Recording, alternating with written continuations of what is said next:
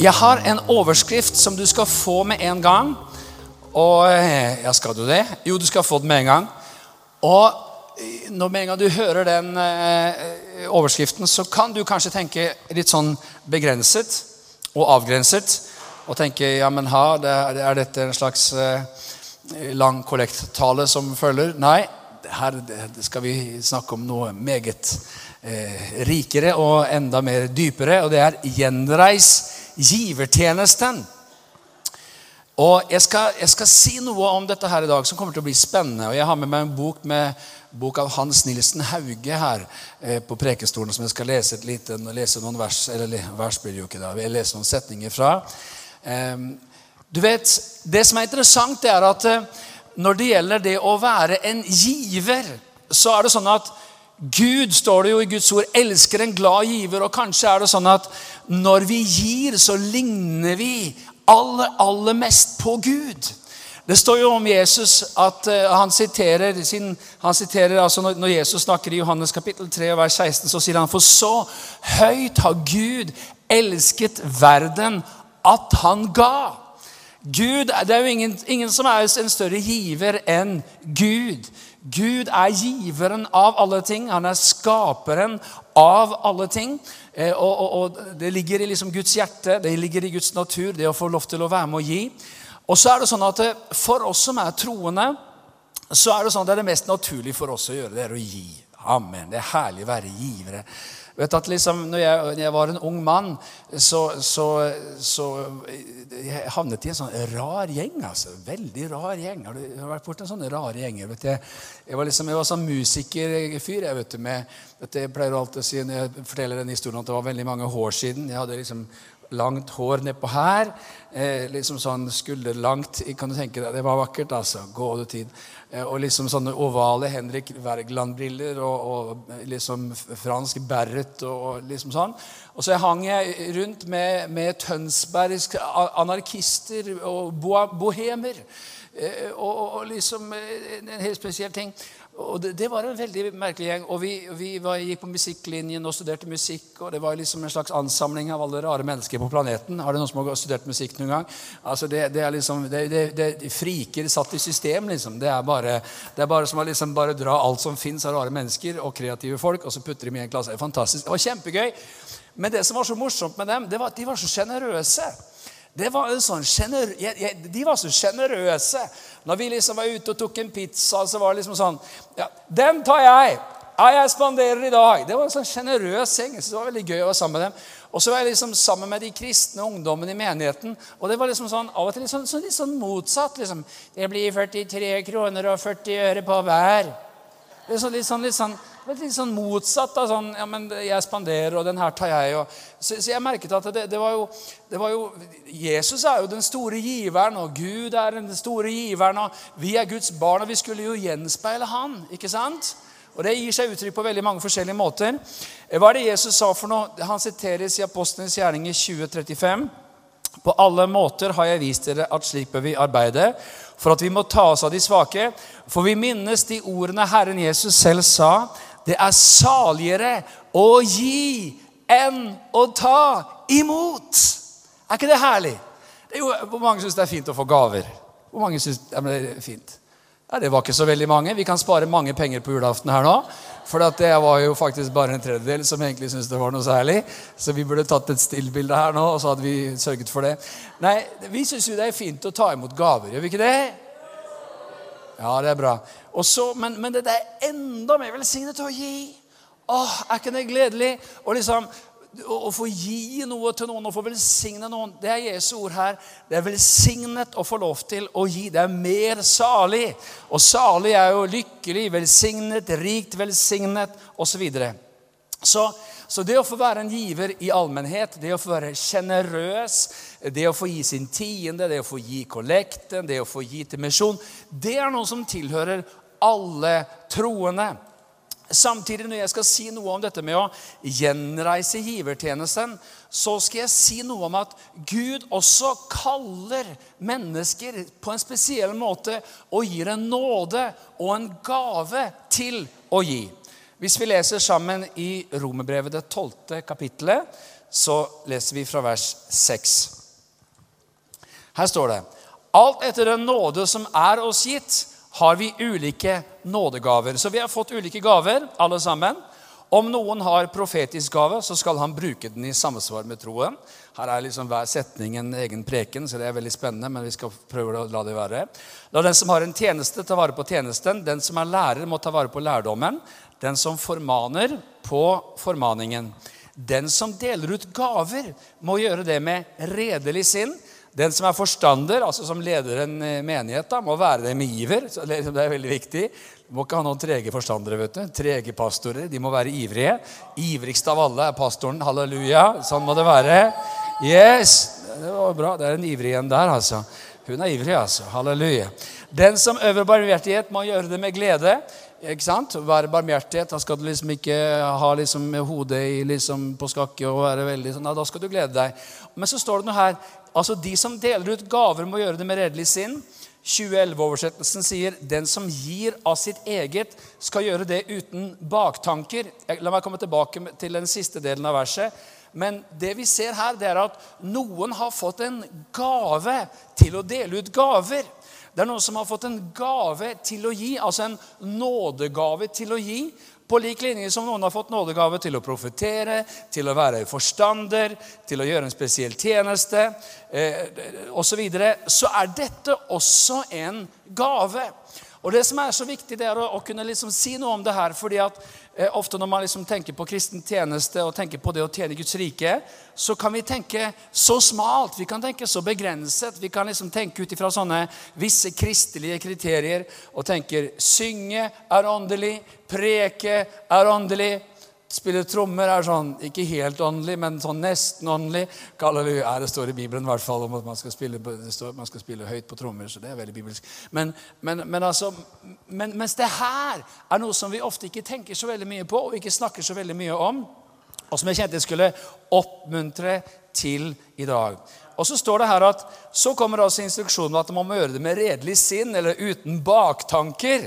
Med andre ord ikke for å oppnå noe, men det er liksom ikke hovedbudskapet her. Men det er veldig viktig for den som har en gave til å gi, at det er betingelsesløst. No strings attached, som det heter. At man faktisk kan gi, og når man har gitt, så har man jo gitt, og ferdig med den saken. Ok. Eh, det som er interessant, er at eh, når vi følger i Jesu fotspor og ser på Jesu liv, så kan vi lese noe sammen i Lukas kapittel 8. Hva er det vi ser i Romerbrevet 12? Det å gi, det å være en giver Det fins en spesiell nåde, det fins en spesiell gave til å være med på å forløse økonomi og det å gi inn i Guds rike. Og da I Lukas kapittel 8 så står det Og det skjedde i tiden som fulgte, fra vers 1, at han dro omkring fra by til by og fra landsby til landsby og forkynte evangeliet om Guds rike, og de tolv var med ham. Og så står det likeså noen kvinner som var blitt helbredet for onde ånder og sykdommer. Maria med tilnavnet Magdalena, som sju onde ånder var fart ut av. Johanna, som var gift med Kusa, embetsmann hos Herodes, eller forvalter hos Herodes, som en annen oversettelse sier.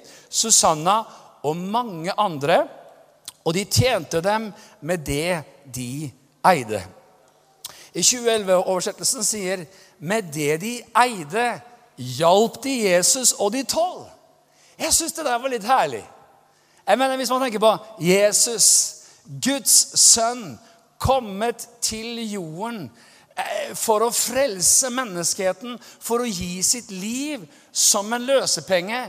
Han hadde et team rundt seg det var de tolv, det var apostlene. Men det var en annen gjeng som også var en del av teamet. Og det var kvinner som sørget for Jesus. De hjalp Jesus og de tolv med det de eide. Vet du, Det er jo litt interessant, det her, for det kan jo være en og annen misjonær som syns at det er litt sånn litt beklemmende å ha støttepartner, liksom. Men det hadde Jesus òg. Man kan tenke, ah, Skal man liksom holde på å reise støtte til misjon og skal man liksom holde på å liksom få folk til å hjelpe seg? De hjalp Jesus med det de eide. De skal sette noen fri her på formiddagen som er misjonær. Og tenke halleluja, hvis Jesus hadde støttepartnere, så kan vel du også ha støttepartnere? Og det som er veldig herlig her, det er også å se at at noen har kalt, er kalt til å gå. Alle er kalt til å gå sånn sett. Jeg mener I vårt nabolag og på vår arbeidsplass og på vår skole og i vår by så er det liksom ikke noe skille mellom det. Men noen er også kalt inn i misjonstjeneste for å reise ut med evangeliet. Og så er det andre som er kalt til å hjelpe de som skal sendes ut i misjon, til å kunne gjøre det. Og det som er så veldig viktig å se, det er at den som er misjonær, eller som er kalt til å gå ut i hele verden, er jo ofte veldig bevisst på det. at come on, eh, Nasjoner venter, og jeg skal ut i misjon. Men det er like viktig at det er andre som kjenner ja, men det, Gud velsigne deg i det du skal dra ut til nasjonene. Det jeg skal gjøre, er å hjelpe deg og sørge for at det er mulig for deg å dra. Ofte så er det sånn at det ene uten det andre, så blir det heller ikke noe misjon. Det er akkurat som Gud vil at det skal være en sammenheng. det skal skal være noen som kobles sammen med folk som er kalt til å gi, og folk som er kalt til å gå. Sammen blir det eksplosivt. Amen. Halleluja. Så eh, Amen. Det var, det var, det var bra, det her. Halleluja. Amen. Ja, de hjalp Jesus.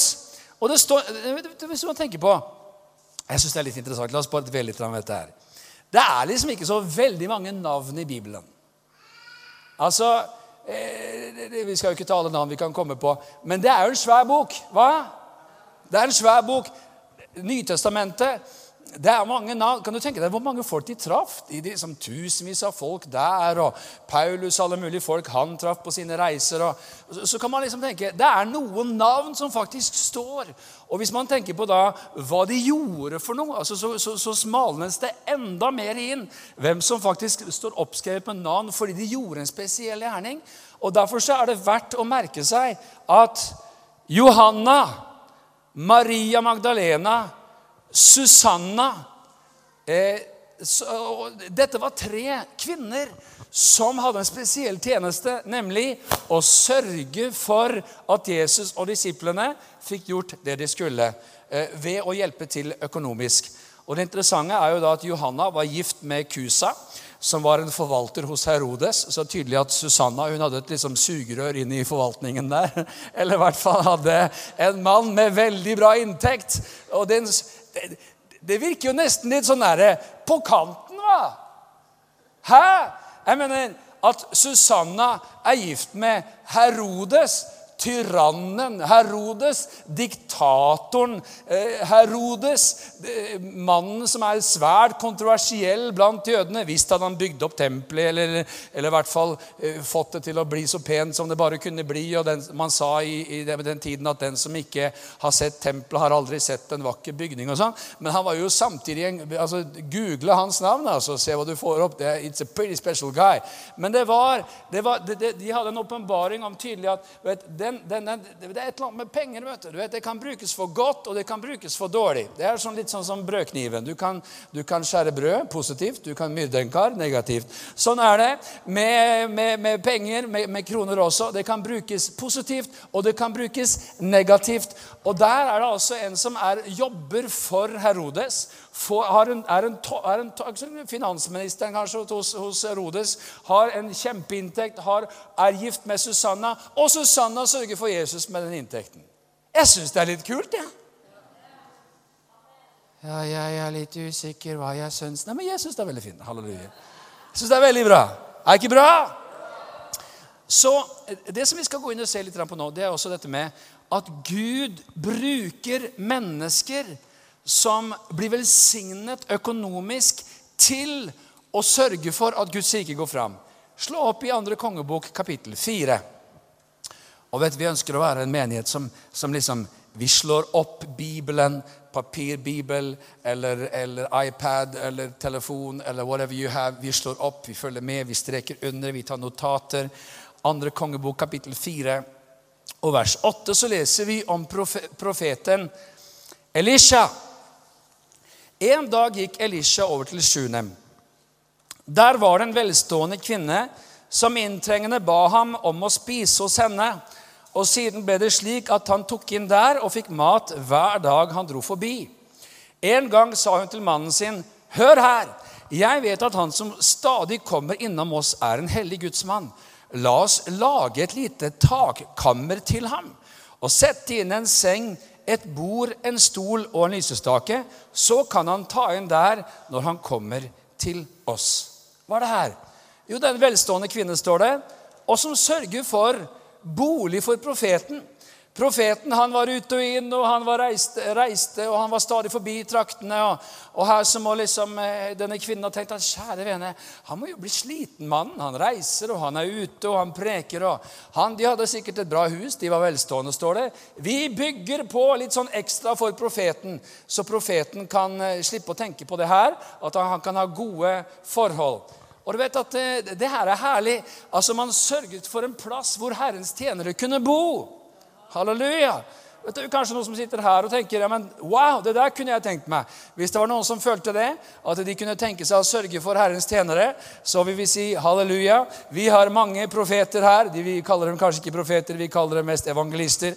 Eh, men de bor her oppe på Sankthanshaugen, eh, og de er mange, og de trenger plass, og de trenger stadig flere plass. Og det er snart sånn at vi vurderer å bygge på en ekstra etasje oppe på takkammeret for å få plass til alt vi skal. Og kanskje noen tenker That's me. I'm gonna pay for them. Halleluja. Halleluja. You are most welcome. Vi gleder oss. Ta gjerne kontakt og sørg for at det er tak over hodet til evangelieforkynnerne. Og de er litt som profeten Elisha. De er ut, de er inn, de er fram, de er tilbake. De er innom her av og til. Men når de bor her, så trenger de gode boforhold. Amen. Halleluja. Så jeg syns det her er litt fint da, å lese om dette her. Hva er det vi ser her? Jo, man ser om at Gud reiste opp mennesker til å gi, til å sørge for Herrens tjenere. Og vi skal si noe videre om dette med kallet til å starte forretninger. Fordi eh, vet, Ja, halleluja. Vi leser. Vi leser Første Mosebok, kapittel 1. Vi er skapt i Guds bilde. Er det ikke fantastisk? Det er nydelig, altså. Det, det er så svært å tenke på at vi er skapt i Guds bilde. Og når vi leser i Første Mosebok sammen, kapittel 1 litt om skapelsen. Det er godt å liksom stoppe og lese dette her, og bare liksom se hva Guds ord sier. For I første Mosebok 1 så står det Og Gud skapte mennesket i sitt bilde. I Guds bilde skapte han det. Til mann og kvinne skapte han dem. Og Gud velsignet dem og sa til dem.: Vær fruktbare, bli mange, fyll jorden, legg den under dere, og råd over havets fisker og himmelens fugler og over alt levende som rører seg på jorden. Og Gud sa, Se, jeg har gitt dere alle planter som slår seg over hele jorden, sår seg over hele jorden, og hvert tre med frukt som setter frø, det skal være til føde for dere. Det som er interessant, det er i hvilken sammenheng står det her? Jo, Når man leser kapittel 1 og de første versene, så kommer vi rett inn i skapelsesberettelsen.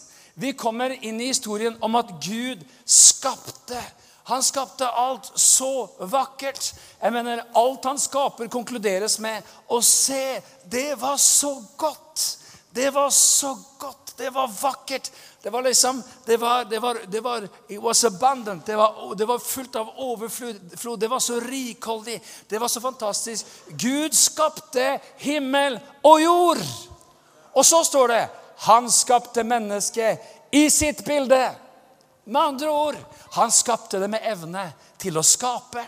Han skapte det med evne til å forme, til å være kreative, til å, til å få løs ting, tenke ut ting, legge planer, skape, forme.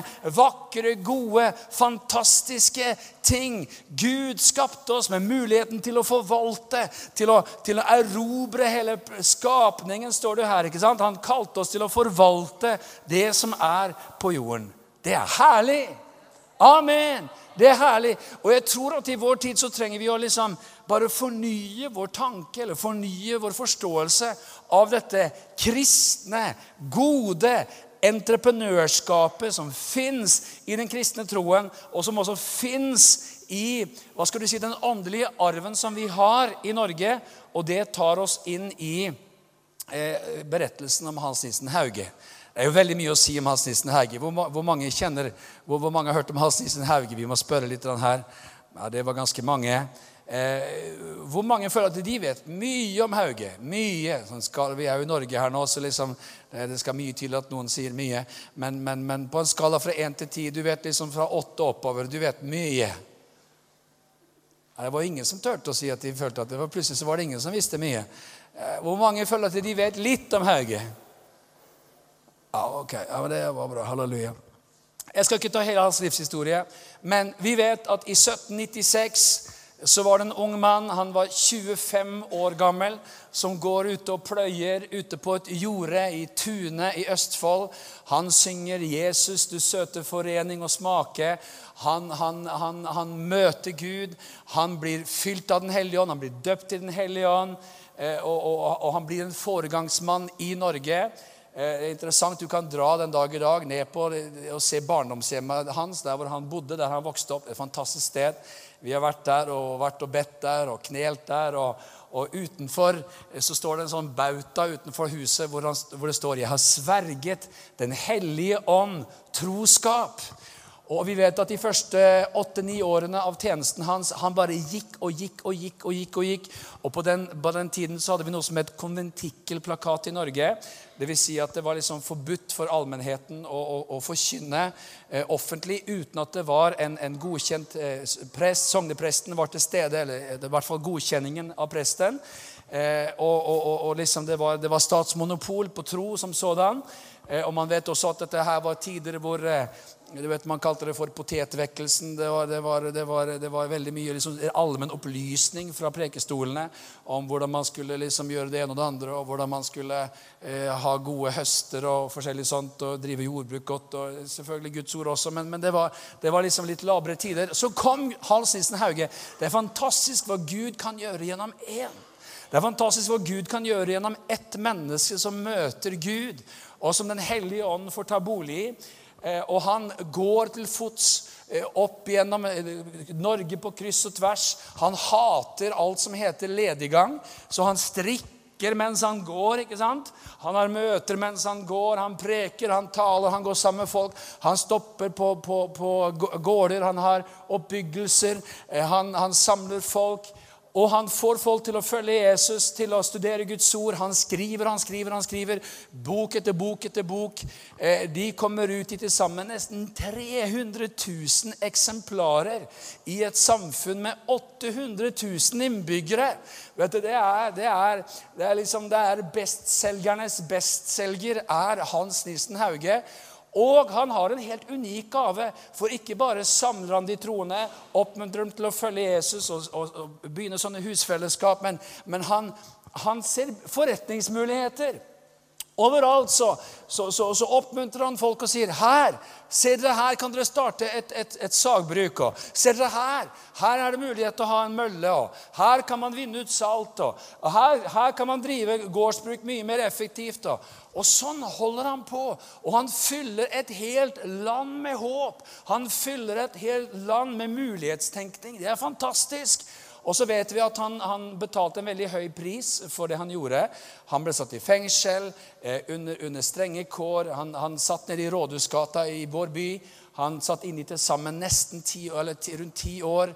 Eh, og, de brøt ned helsen hans. De, de, de, de virkelig ja, det, det, var så spesielt, altså. og det, det, det, fortelles Faktisk Andy Bird minnet meg her på her i forrige uke i Sør-Afrika om hvordan Hans Nissen Hauge satt fengslet der. og Det var mørkt, og det var kaldt, og han var ved dårlig helse. Og, og han var alene, og han fikk ikke lov til å, å liksom ha noen besøk. ikke sant? Han fikk ikke lov til å se noen venner. Han var i, enecelle. Og, og så kom julaften, og da var det noen som hadde gått fra Bergen over fjellet til Oslo. For liksom, vi må fylle vår, vår, vår leder med nytt håp. Og, så, og de, ikke, de, de, de, sto på gata på Rådhusplassen, og så begynte de å synge. De sto med et lite lys. og så, og så kunne han, han, kunne ikke se dem, men han kunne høre sangen. Han fikk ikke prata med dem engang, fikk ikke sagt noe til dem. Men, men han kunne se gjenskinnet fra lyset, og han kunne høre sangene de sang. Og så fyltes han med håp. Halleluja. Kan du tenke deg? Og det som var veldig herlig også, at I denne vekkelsen så, så kom det løs en, en, en, en fantastisk gruppe med kvinner Eh, Haugekvinnene vet du, det var entreprenørkvinner, det var ledere, de var forkynnere. Det var liksom massevis av år før sin tid. Og det som er så interessant, er også at når man går inn i liksom, eh, moderne historieskrivning, så er det veldig lett sånn at, at Hauges rolle og haugianernes rolle de, de, de liksom tones ned til fordel for, eh, ja, for kanskje nyere bevegelser, arbeiderbevegelse osv. Jeg leste en så interessant bok. Jeg, kanskje skummelt å anbefale en bok man ikke er helt ferdig med. Den er nesten, nesten ferdig. Eh, her på 17. mai, som nylig har kommet ut, som heter 'Norge vårt Norge'. En biografi om Norge. Og som bare virkelig, som skrevet av en helt vanlig forfatter i Norge. og som, og som gir et så spesielt skussmål til hvordan Hauge og hans bevegelse la grunnen for det moderne Norge. Entreprenørskap, mulighetstenkning og osv. Og, sånn. og det som er interessant, det er dette at de, eller Skal jeg lese litt av dette her? Dette her er Dag Kullerøds bok. Jeg skal bare lese opp få sitater. Eh, den kom vel ut til Hauge-jubileet, tror jeg. Eh, og den er også gitt ut med støtte fra NHO, Næringslivets hovedorganisasjon. Det er litt interessant. Eh, Dag, Dag Kullerød har for øvrig skrevet mange spennende bøker om ulike, ja, både om Bibelen og om Ole Hallesby og forskjellig. Men, men her står det noe interessant. Han, når, når, når Hauge er helt i Vil du høre? Er du våken? Halleluja. Hvis det er for varmt, så er det bare det forberedelse for misjonsmarken. Så det er bare å være glad og salig. Klag nå ikke på varmen i dette landet. Amen. Takk skal du ha.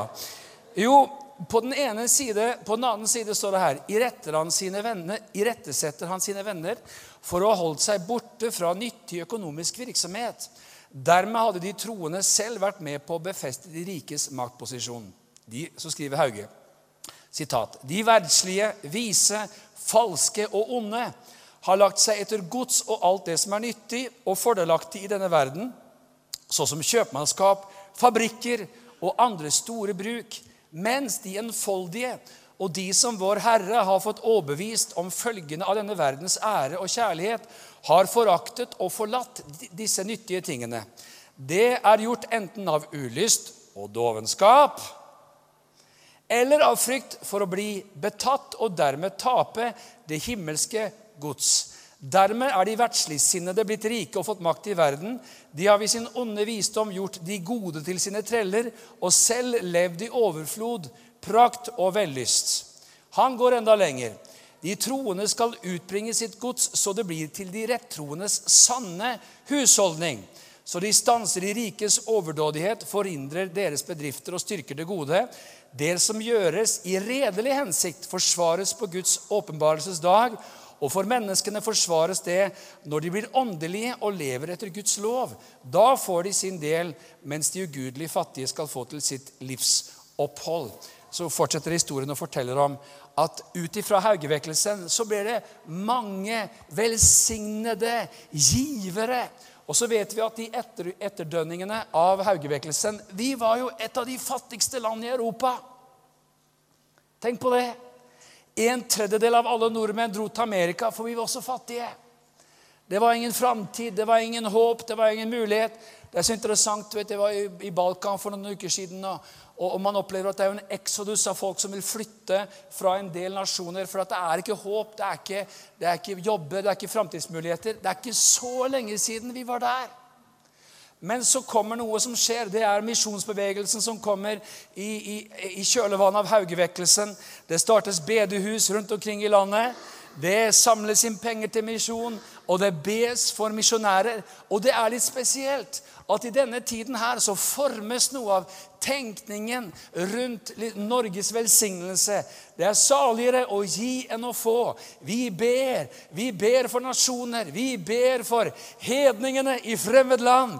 Vi ber for nasjoner, og vi gir til misjon. Og vet du hva? Jeg er helt overbevist om en ting. At ut ifra denne strøm av giverglede, av misjonsengasjement, av nytt entreprenørskap, av tro og forsakelse, og det å forstå at hensikten med økonomisk velsignelse ikke er å leve i sus og du selv, men å få lov til å være gode forvaltere som forløser Guds rikes hensikter, så løftes Norge ut av fattigdom, ut av elende, og fundamentet legges for en velsignet nasjon.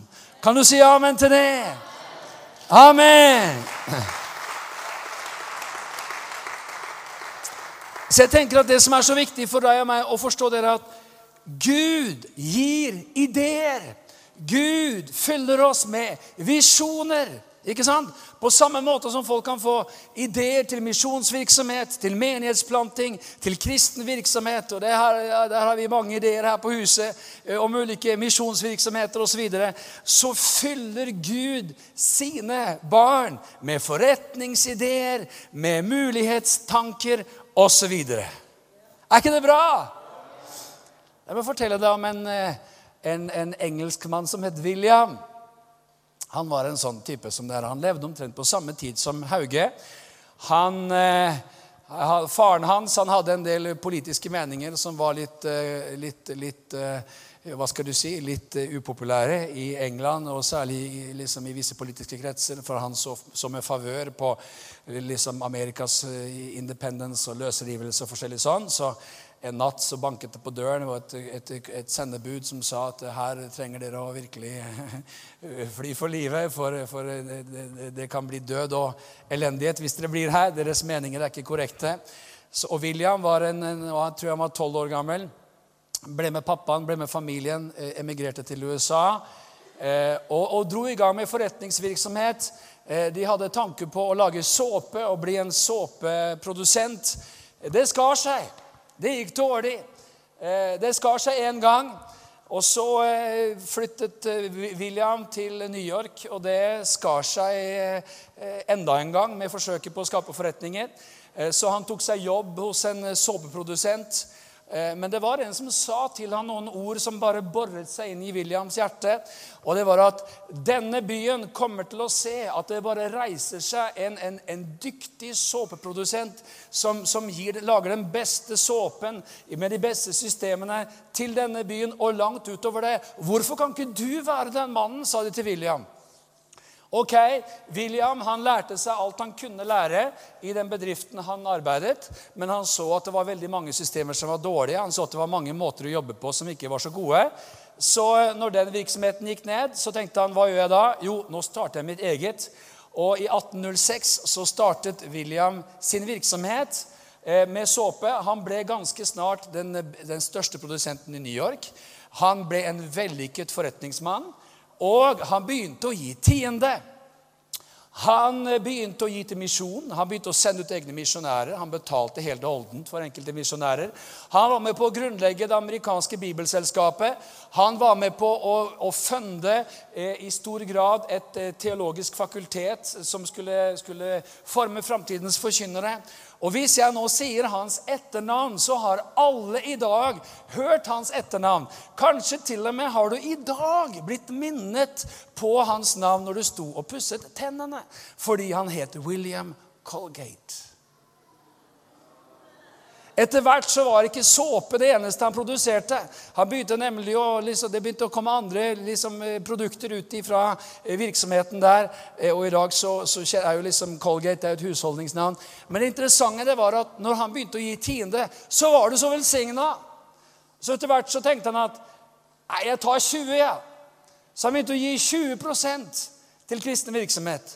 Og det gikk så bra at han tenkte jeg tror jeg skal gi 30 til kristen virksomhet. Og det gikk så bra at han tenkte jeg tror jeg gir 50 til kristen virksomhet.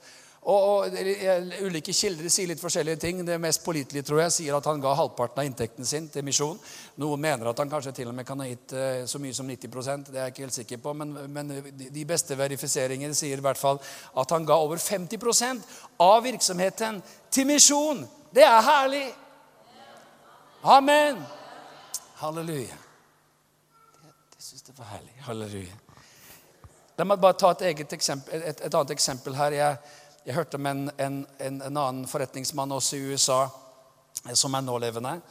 Og eh, Jeg skal ikke si navnet på verken han eller på, på, virksomheten som han leder, men det her er litt herlig, altså. Jeg, jeg, jeg traff han for ikke så lenge siden. Det var litt artig. Han, han har, driver en bedrift som har 35 milliarder i årlig omsetning. Og halvparten av fortjenesten før skatt gir han til evangelisk virksomhet. Bygd opp gjennom mange år. Og når han vokste opp som sønn av en predikant, så var det ett motto som preget familien. Mange av dere har hørt det her. Only one life will soon be past. Only what's done for Christ will last. Er ikke det herlig? Det finnes ingen ende for hvor mye den familien har vært med på og så inn i misjonen. Amen. Halleluja. Så kan man tenke liksom Ja, men eh, penger og ja, Hva skal vi gjøre med disse pengene? Det er ikke interessant hva Jesus sier. Det står i Lukas kapittel 16 eh, at vi skal gjøre oss venner ved, de, ved, den urettferdige mammon, som det hefter seg så mye urett ved, for at de, altså mammon, når den svikter altså For at de, disse, disse som blir frelst, kan ta imot oss i de evige boliger. Det er interessant. Han taler altså om at vi skal bruke penger for evigheten. Amen. Og vet du hva? Det jeg tror det her er så viktig. Vet, her er vi sammen. Vi er voksne, vi er unge, vi er eldre, vi er alle generasjoner. Og det som er herlig, det er at Gud kan fylle mennesker med drømmer, med visjoner, med mulighetstenkning, med gaver til å drive forretningsvirksomhet for å være med på å støtte Guds rike, forløse misjon og være med å være til velsignelse til jordens ytterste ender ved å være entreprenører for Jesus. Amen. Jeg sier det her igjen. Vi skal ikke dele tilværelsen inn i det er åndelig, det er uåndelig. Forkynne, synge, preke, det er åndelig. Forretningsliv er en slags sånn verdslig beskjeftigelse. Nei. Alt hører Herren til. Hele livet hører Herrens til. Amen. Amen. Vi tror på det her. Vi tror på det her. Amen. Halleluja. Og så har jeg en spesiell oppmuntring til kvinnene. For det som er interessant, det er at vi har allerede møtt på forretningskvinner. Eller i hvert fall kvinner som var til velsignelse. Vi har møtt kvinnene som støtt, eh, eh, fulgte Jesus og støttet Jesus i Lukas 8. Vi har møtt kvinnen som støttet profeten Elisha i 2. kongebok 4. Og nå skal vi møte, nå skal vi kikke inn litt til her, for det er, mitt neste punkt er 'Forretningskvinner for Jesus'.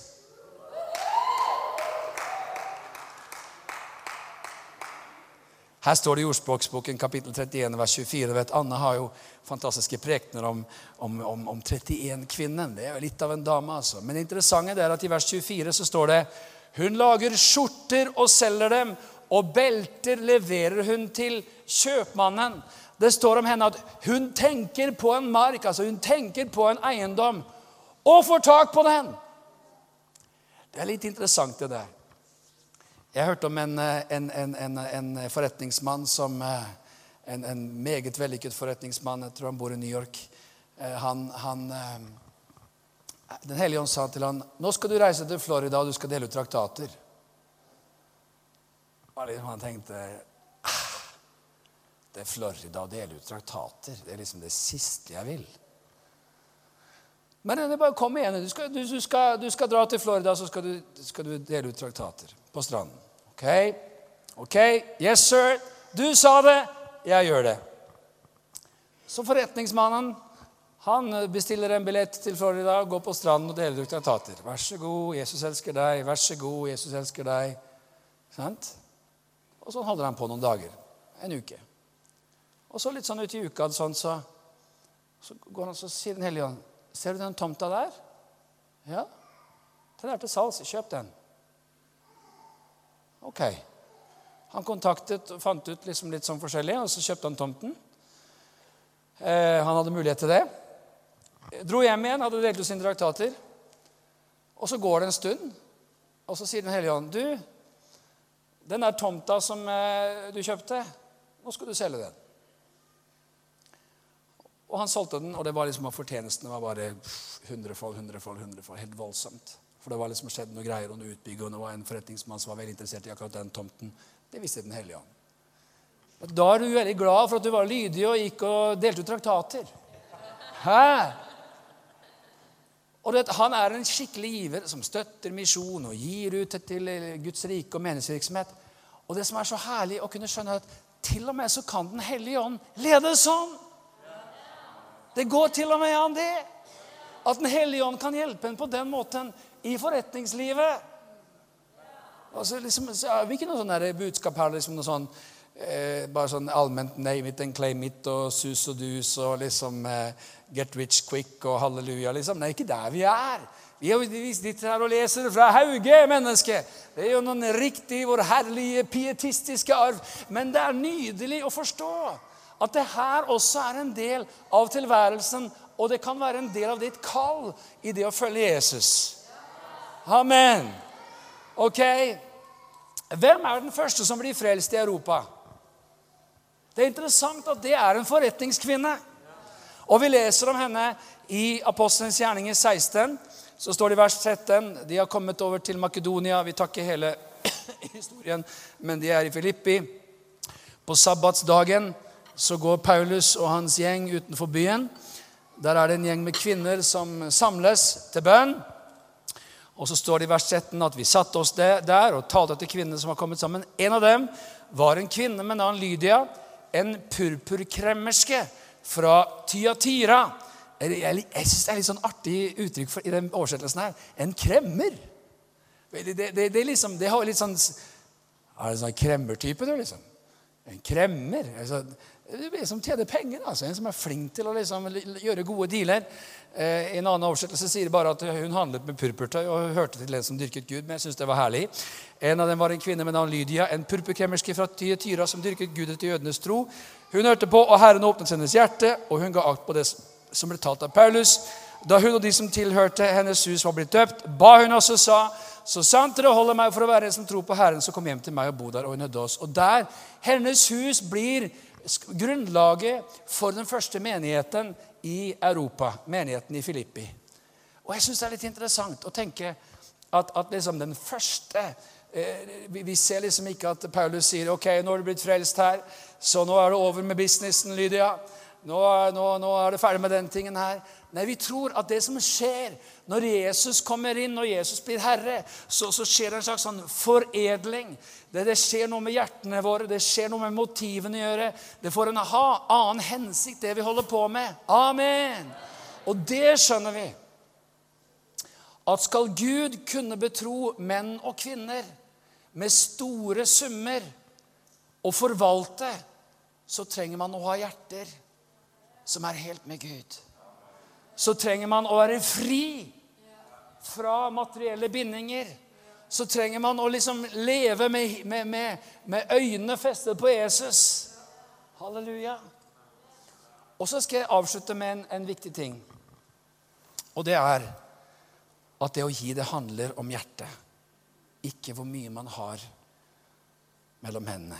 Du skjønner, mange som er kalt til å gi, egentlig, de kommer aldri ut i det. For de tenker bare åh, Når jeg tjener min første million, da Da skal jeg gi, da.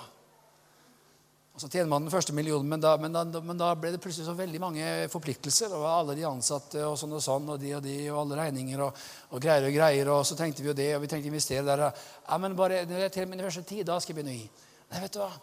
Eh, eh, David Andersen var skikkelig på sporet i dag, for han, han, eh, han, har allerede sitert mitt vers som jeg skulle sitere her nå. Det står i Lukas 21, 21,1 om Jesus som sitter og ser på hva folk gir i kollekten. Halleluja. Så vi er jo litt sånne da, vet du. What would Jesus say? What would Jesus do? Nei da, vi skal ikke begynne med det. Men, men det hadde vært interessant. Liksom, se, det, hadde jo vært, altså, vært avisoverskrifter. Ikke Skandale. ikke sant? Predikantene sitter og ser på hva folk gir. ikke sant? Men, men, men Jesus han, han, gjorde tydeligvis det. Han sitter, han sitter, han sitter til og med og, kommenterer hva folk gir. Enda verre. Så folk hører det. Noen må ha hørt dette her. Noen har skrevet det ned. Ikke sant? Ja, jeg ser hvor mye han ga. liksom. Ja, det, det, er jo litt, nesten litt sånn på kanten, er det ikke det? Hæ? Jeg skjønner Skaperen av alle ting. Han har lovt det sånt. Det er helt greit. Skaperen av alle ting går helt bra. Da han så opp, fikk han se de rike legge gavene sine i tempelkisten. Men han så også en fattig, står det i Lukas 21. Enke som la to skjerver i den, altså den alle to øre, liksom, minste myntenheten som fantes. Og han sa, 'Sannelig, sier dere, denne fattige enken har gitt mer enn alle.' For alle de andre gav av sin overflod, men hun ga sin fattigdom alt det hun hadde å leve av. Å gi har med hjerter å gjøre. Jeg husker jeg snakket for en del år siden med generalsekretær, en av de aller største lutherske misjonsorganisasjonene i Norge. Og han bekjente en ting til meg. Han sa at for hver eneste en av de gode, gamle misjonsgiverne som går hjem til Herren, så trenger vi fire unge familier for å erstatte det beløpet. Og jeg tenkte er det mulig? Hva er inntekten til en, en, en eldre minstepensjonist sammenlignet med en moderne familie med to inntekter? Fire familier får det erstatte. Da skjønner vi at det å gi, det har med hjertene å gjøre. Sverre Larsson beskriver en svensk pinsepioner som samlet inn over en milliard til misjon. Han eh, han kom opp til en, en, en svensk familie oppe i Nord-Sverige. En enkelt hus. Kunne ikke fatte at de kunne gi så mye til misjon. Så mye til nasjonenes frelse. Så han gikk bort til dette ekteparet og sa jeg, jeg, jeg beklager, jeg, jeg, må få lov til å spørre. Jeg kan ikke skjønne at dere kan gi så mye. Det var to lærere eller et eller annet sånt. Og, og så sa de jo, nei, vi har egentlig bare gjort det sånn at den ene lønnen den går til oss, og den andre lønnen den går til misjon. Så sånn har vi gjort det. Akkurat. Det å gi har med hjerter å gjøre. Hun der som ga det der lille der, hun har gitt mye mer enn alle de rike. Sånn, for de ga sin overflod. Hun har gitt alt det hun hadde. Jeg tror ikke noen av oss kommer til å tenke når, eh, når dagen går mot slutt, og livet her nede er på, er på hell og vi ser inn i den eh, solklare dagen, himmelriket som venter, at noen av oss kommer til å tenke Nei, jeg skulle ikke gitt så mye, du. Jeg skulle beholdt litt mer. Jeg skulle brukt litt mer på meg selv. Jeg tror virkelig at vi kommer til å tenke åh, takk, Jesus, at jeg fikk lov til å være med på å utgjøre en forandring ved det som jeg fikk være med på å gi. Det står jo sånn som dette her i 2. Korinterbrev 9. Jeg kan få opp lovsangerne og lovsangsteamet her. 2. Korinterbrev 9, 6, 6. Men dette sier jeg, den som sår sparsomt, skal også høste sparsomt, og den som sår rikelig skal høste med rik velsignelse. Enhver må gi slik som han setter seg for i sitt hjerte, ikke med ulyst eller av tvang, for Gud elsker en glad giver. Vet, hvor, hvorfor elsker Gud glade givere? Nei, det er vel fordi at da ligner vi så mye på han, som vi begynte med å si. Og Gud er mektig til å gi dere all nåde rikelig mål, for at dere alltid og i alle ting kan ha alt dere trenger til, og ha overflod til all god gjerning. Vi reiser oss opp, alle sammen. Og vi takker Gud for at vi kan tro på det, at Guds ord er levende. Det skaper når det sendes ut, og at Gud kan få reise opp, ikke bare i en menighet, men få reise opp en sånn herlig sjenerøsitet, en sånn herlig giverglede. Vet, det som er viktig å si noe om også, det er at eh, det å, det å, gi og det å være en giver, det er ikke begrenset til den som er en kristen. Det fins mange fantastiske givere der ute. Det fins noen helt spesielle eksempler som, som ja, Bill Gates, f.eks. Kanskje verdens mest sjenerøse filantrop som som, som, bruker store deler av formuen sin på å være med å utrydde eh, fattigdom og utrydde sykdommer, og som, som, som er en voldsom eh, støtte til, til Gavi, f.eks. Verdens vaksinasjonsfond osv. Mange der ute som, som, gjør en fantastisk innsats ved å gi, og som har forstått viktigheten av det og rikdommen i det å få lov til å være en giver. Eh, så, så, så vi, vi, det er ikke sånn at man først blir en giver når man blir frelst. Men jeg tror virkelig at, at det er viktig for oss å, å, si noe om dette og tale om dette. At som kristne, halleluja, har vi ikke vært givere før, så blir vi det da. Amen. Når Gud, han som er alles giver, han flytter inn i våre hjerter. Og vi tror virkelig at det her er en del av vårt liv. Og vi tror også at Gud, han skal reise opp forretningsmenn og forretningskvinner. Amen. Og folk som på ulike måter har gaver til å gi. Jeg oss bare si en, enda en setning, og det finnes så mange måter man kan gi på også. Det går an å gi kompetanse. Det går an å gi kunnskaper. Det går an å gi tjenester. Det går an å gi inn erfaring. Det er mange måter man kan få være med å gi inn i Guds rike. Men vi takker Gud nå for at vi kan få tro at det som begynte på en spesiell måte i landet vårt med Hans Nissen Hauge, det stopper ikke der. Men det skal fortsette i neste generasjon og i neste generasjon der. Og vi tror at Guds vilje er at det skal bli sterkere og sterkere, for det er saligere å gi enn å få. La oss takke Gud. Herre, vi takker og priser deg for din godhet og nåde mot oss.